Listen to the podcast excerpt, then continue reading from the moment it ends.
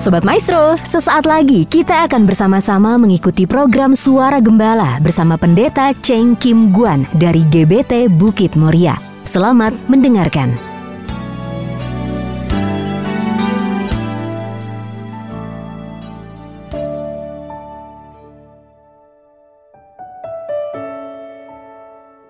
Shalom, Ibu Bapak Sobat Maestro di mana pun berada Kembali melalui program Suara Gembala Saya Pendeta Cheng Kim Guan kembali mengunjungi dan menyapa Sobat Maestro di mana pun berada Untuk kita sama-sama masuk di dalam perenungan firman Tuhan Yang akan kita awali terlebih dahulu dengan doa Mari kita masuk di dalam doa. Kembali kami datang menghadap tahta anugerahmu ya Bapa. Kami mengucap syukur untuk kasih setiamu yang begitu nyata berlimpah dalam kehidupan kami. Keberadaan kami saat ini membuktikan semua ada karena kepedulian dan kasih sayang Tuhan. Maka sebab itu saat ini kami membuka hati untuk bersekutu bersama-sama dengan kebenaran firman-Mu. Firman-Mu itulah makanan rohani kami yang memberikan kekuatan kepada rohani, rohani kami dan memberikan penghiburan senantiasa bagi kami. Berbicaralah dan berkati kami semua dengan kuasa firman-Mu. Allah Roh Kudus, mengurapi setiap pribadi kami tanpa kecuali satupun dan terlebih Engkau mengurapi, menyucikan, menguduskan, melayakkan hambamu yang akan menyampaikan kebenaran firmanmu ini di dalam terang hikmat urapan roh kudus. Berbicaralah dan berkati kami semua dengan firmanmu. Dalam nama Tuhan Yesus Kristus, hamba panjatkan peralaskan segala doa ini. Haleluya. Amin. Puji Tuhan. Ibu Bapak, Sobat Master terkasih, pada kesempatan kali ini kita akan sama-sama merenungkan satu tema yaitu yang berjudul Yesus Kristus Sang Pemenang. Menang atas apa yang akan kita sama-sama renungkan dan ketahui. Di mata siapakah Yesus itu menjadi pemenang? Siapa yang memberikan penilaian kemenangan atas pribadi Yesus? Dan kalau kita tahu bahwa Yesus adalah sang pemenang, apa respon kita atas pengenalan kita akan pribadi Yesus yang adalah pemenang ini? Respon kita apa? Nah, kita penting sekali untuk merenungkan bagian-bagian firman Tuhan ini agar kita dapat menikmati dan mengalami kuasa kemenangan daripada Yesus yang adalah sang pemenang. Ya, puji syukur pada Tuhan. Ibu bapak saudara terkasih kita akan lihat apa yang disampaikan oleh Rasul Paulus tentang pribadi Yesus yang adalah sang pemenang. Kita lihat di dalam Filipi 2 ayat yang ke-8 dan ayat yang ke-9. Ya, di sini dikatakan Filipi 2 ayat yang ke-8.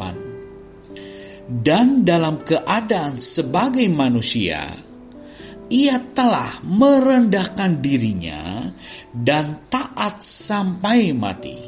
Bahkan sampai mati di kayu salib di mana ciri kemenangannya? Di mana letak kemenangannya? Di dalam ayat ini dikatakan dan dalam keadaan sebagai manusia ia telah merendahkan dirinya dan taat sampai mati. Siapakah yang merendahkan dirinya? Dan siapakah yang memiliki ketaatan sampai mati? Dialah Yesus yang dimaksudkan oleh Rasul Paulus. Yesus yang adalah Allah meninggalkan tata kerajaan surga, berinkarnasi menjadi manusia, lahir di tempat yang sangat hina, atas inisiatif sendiri dan atas dasar cinta kasih kepada umat manusia di bumi ini. Lalu Rasul Paulus melihat pribadi ini dan dia mengenali bagaimana ia telah merendahkan dirinya dan taat sampai mati. Merendahkan dirinya, mengosongkan dirinya, dan ketaatannya itu sampai mati, bukan taat setengah jalan, bukan ketaatan yang kadang-kadang. Ibu bapak saudara terkasih, di sini kita melihat Rasul Paulus dia ingin memperkenalkan pribadi Yesus yang adalah menang, menang atas penaklukan terhadap kemanusiaannya. Yesus Kristus menang mengalahkan kedagingannya, mengalahkan keegoisannya.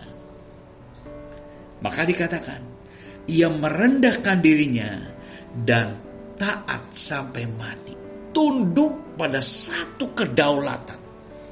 Bukan kedaulatan kepada manusia, tetapi Yesus tunduk taat sepenuhnya kepada Allah Bapa di surga sebagai pengutus Di sinilah letak kemenangannya.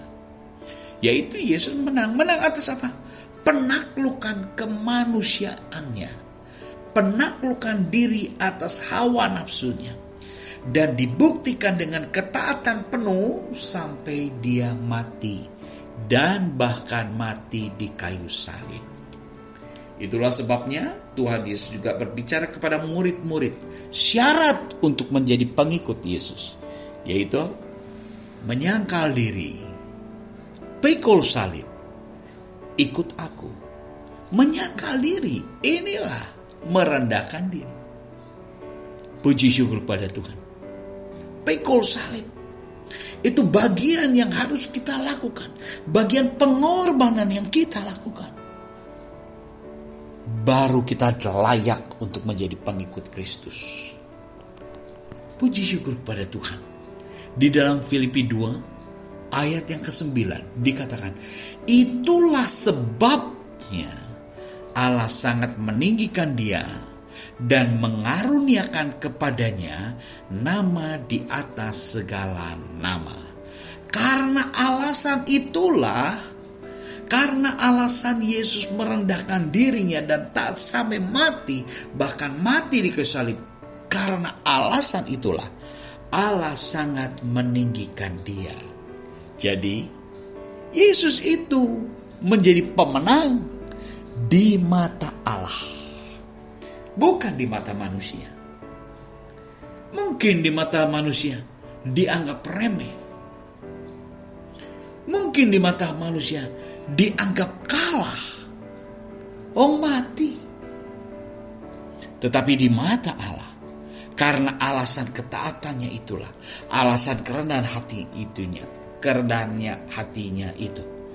Maka Allah sangat meninggikan dia. Dan mengaruniakan kepadanya nama di atas segala nama. Puji syukur kepada Tuhan. Di dalam Filipi 2 ayat yang ke-10. Supaya dalam nama Yesus bertekuk lutut segala yang ada di langit.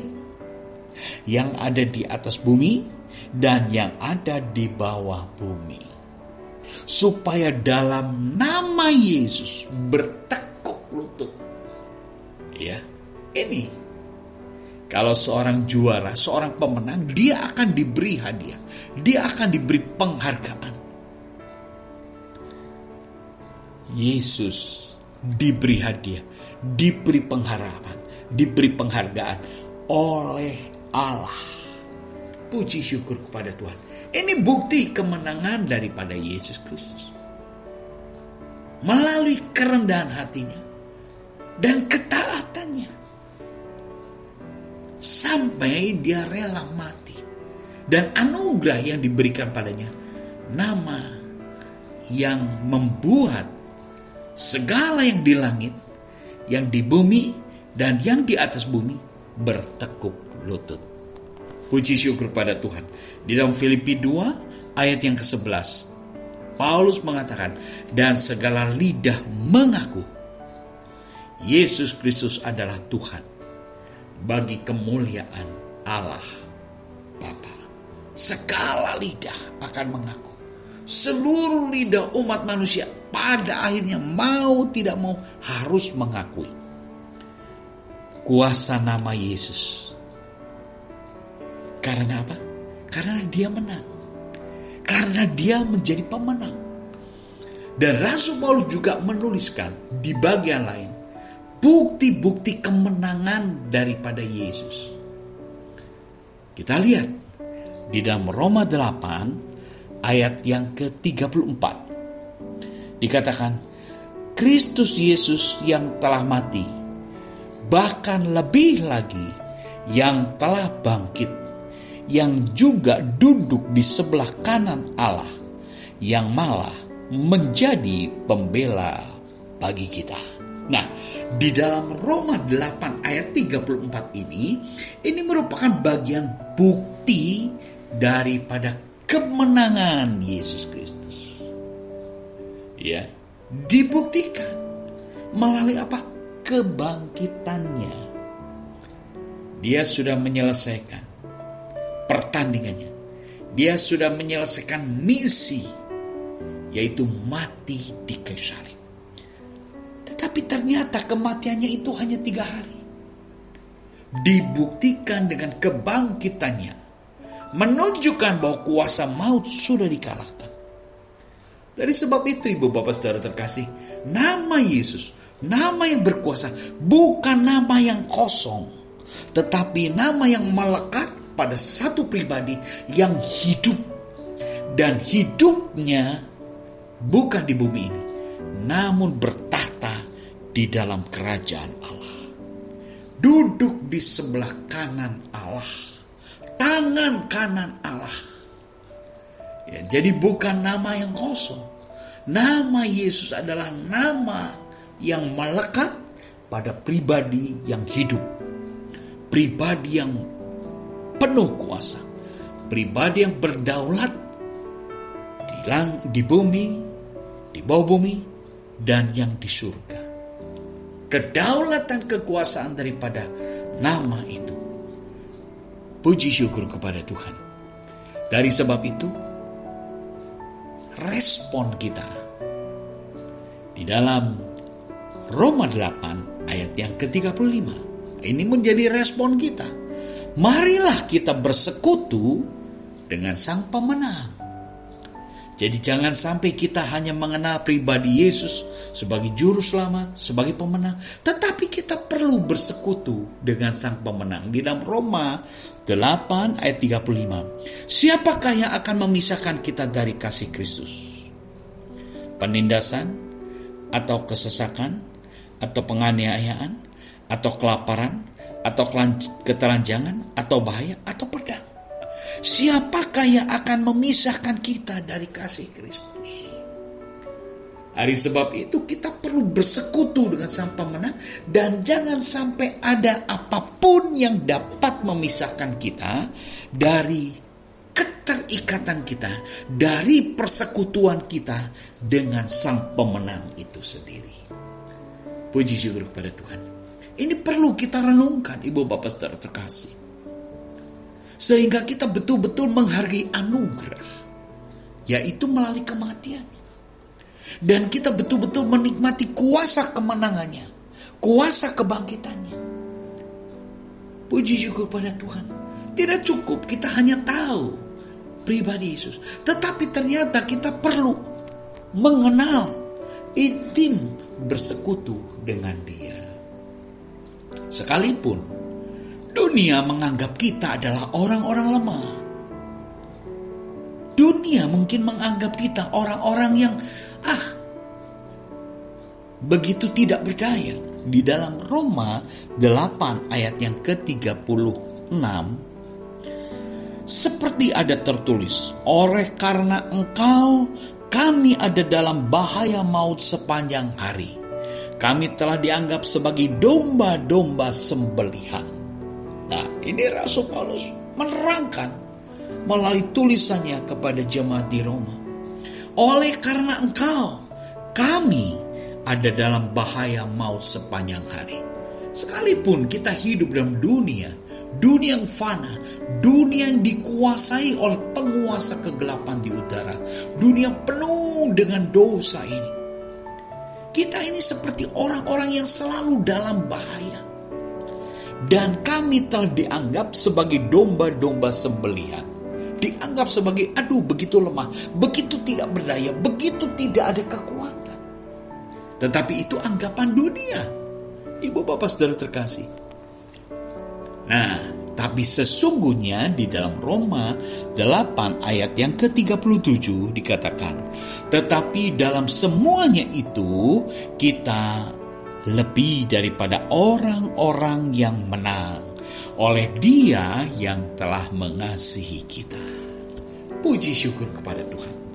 Orang-orang yang bersekutu di dalam kasih Kristus orang yang bersekutu dengan Sang Pemenang, sekalipun dunia menganggap kita adalah sebagai kawanan domba-domba sembelihan, tetapi sesungguhnya di dalam semuanya itu kita lebih daripada orang-orang yang menang.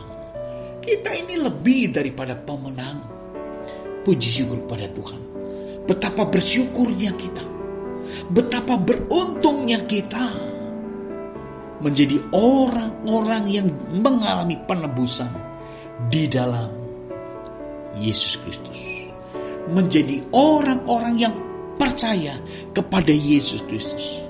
Paulus mengatakan, kita ini sesungguhnya lebih daripada pemenang. Dari sebab itu, dengan pemahaman ini, maka kita seharusnya bertumbuh di dalam iman, percaya, dan pengharapan yang terus makin bertumbuh. Sekalipun kita menghadapi berbagai-bagai tantangan, berbagai-bagai pergumulan, berbagai-bagai kesusahan. Sebab kita memiliki sang pembela. Puji syukur kepada Tuhan. Dia Yesus adalah pribadi yang hidup. Memang tidak hidup di dunia ini. Dia duduk di sebelah kanan Allah. Tetapi ingat ibu bapak saudara terkasih, dia telah menggenapi janjinya. Dia mengirimkan penolong yang lain yang ada dan tinggal di dalam kita pribadi lepas pribadi. Penolong yang lain, Roh Kudus Roh Kudus yang bersekutu dengan roh kita. Puji syukur pada Tuhan. Dari sebab itu kita mesti terus membangkitkan semangat roh kita. Biarlah roh kita menyala-nyala dan tetap tekun berpengharapan kepada Tuhan. Tetap tekun giat di dalam memberikan kesaksian-kesaksian kepada orang-orang di sekitar kita. Bahwa Yesus Kristus Dialah sang pemenang, dialah sang penakluk. Dan kita yang bersekutu dengan dia, kita mengalami kuasa kemenangannya. Kita adalah lebih daripada orang-orang yang menang. Puji syukur pada Tuhan. Jangan sampai kita dikalahkan oleh berbagai-bagai pergumulan yang menghadang di hadapan kita. Atau bahkan mungkin kita dikalahkan oleh apa yang sedang kita alami, derita apa yang sedang kita alami. Mari kita bersekutu dengan kasihnya yang memberikan kepada kita kemenangan demi kemenangan. Kalau kita lanjut di dalam ayat berikutnya, ikatan kasih dengan sang pemenang. Wah, kita mesti mengalami ikatan kasih mengalami satu keterikatan, keintiman di dalam kasih dengan sang pemenang. Di dalam Roma 8 ayat yang ke-38. Sebab aku yakin bahwa baik maut maupun hidup, baik malaikat-malaikat maupun pemerintah-pemerintah, baik yang ada sekarang maupun yang akan datang, atau kuasa-kuasa, baik yang di atas maupun yang di bawah, ataupun suatu makhluk lain, tidak akan dapat memisahkan kita dari kasih Allah yang ada dalam Kristus Yesus Tuhan kita. Nah, ini Ibu Bapak Saudara terkasih. Rasul Paulus punya keyakinan, punya pengharapan, punya iman yang dia katakan sebagai yang dia saksikan dalam tulisannya Roma 38 ayat 38 sampai dengan Roma 8 ayat 39. Itulah kesaksian pribadi Rasul Paulus.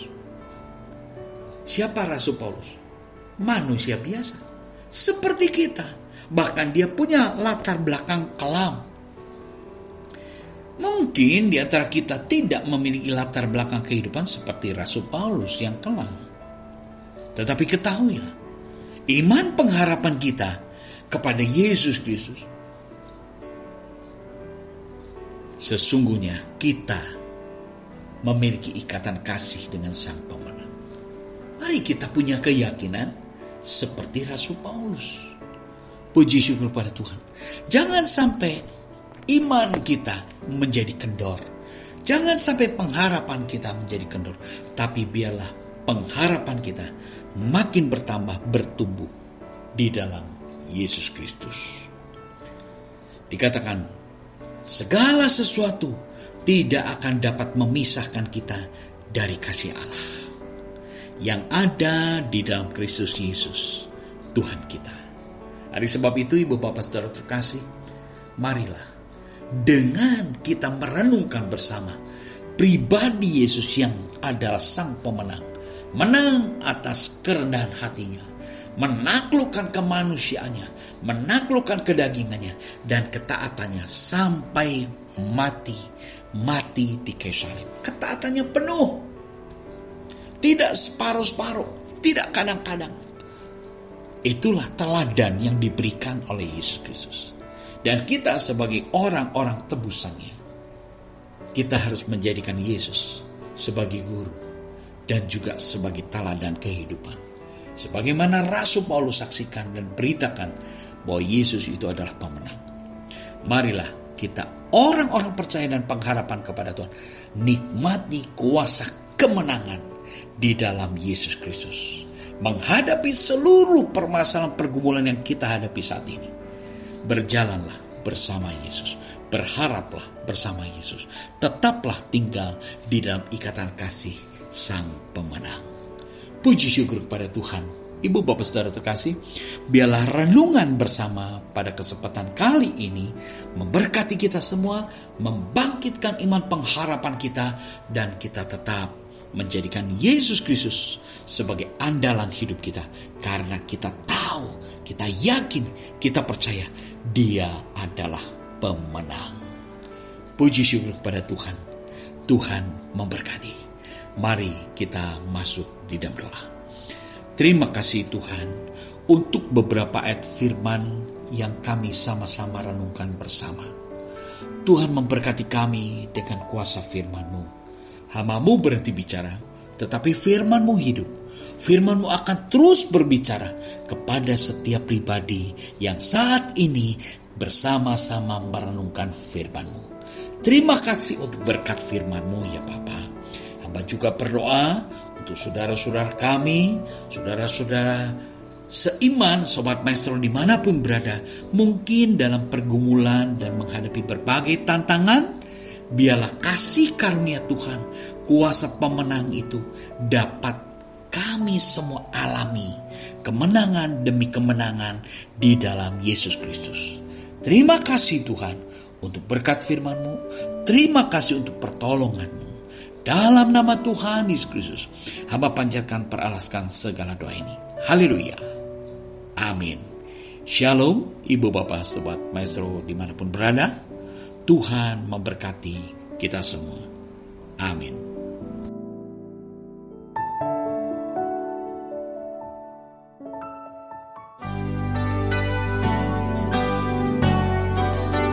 Sobat Maestro, Anda baru saja mendengarkan program Suara Gembala bersama Pendeta Cheng Kim Guan dari GBT Bukit Moria. Dengan tempat ibadah Jalan Bojong Raya Komplek Permata Indah, Blok J nomor 24 Bandung. Phone 0822 1614 3298. Terima kasih atas kebersamaan Anda. Tuhan Yesus memberkati.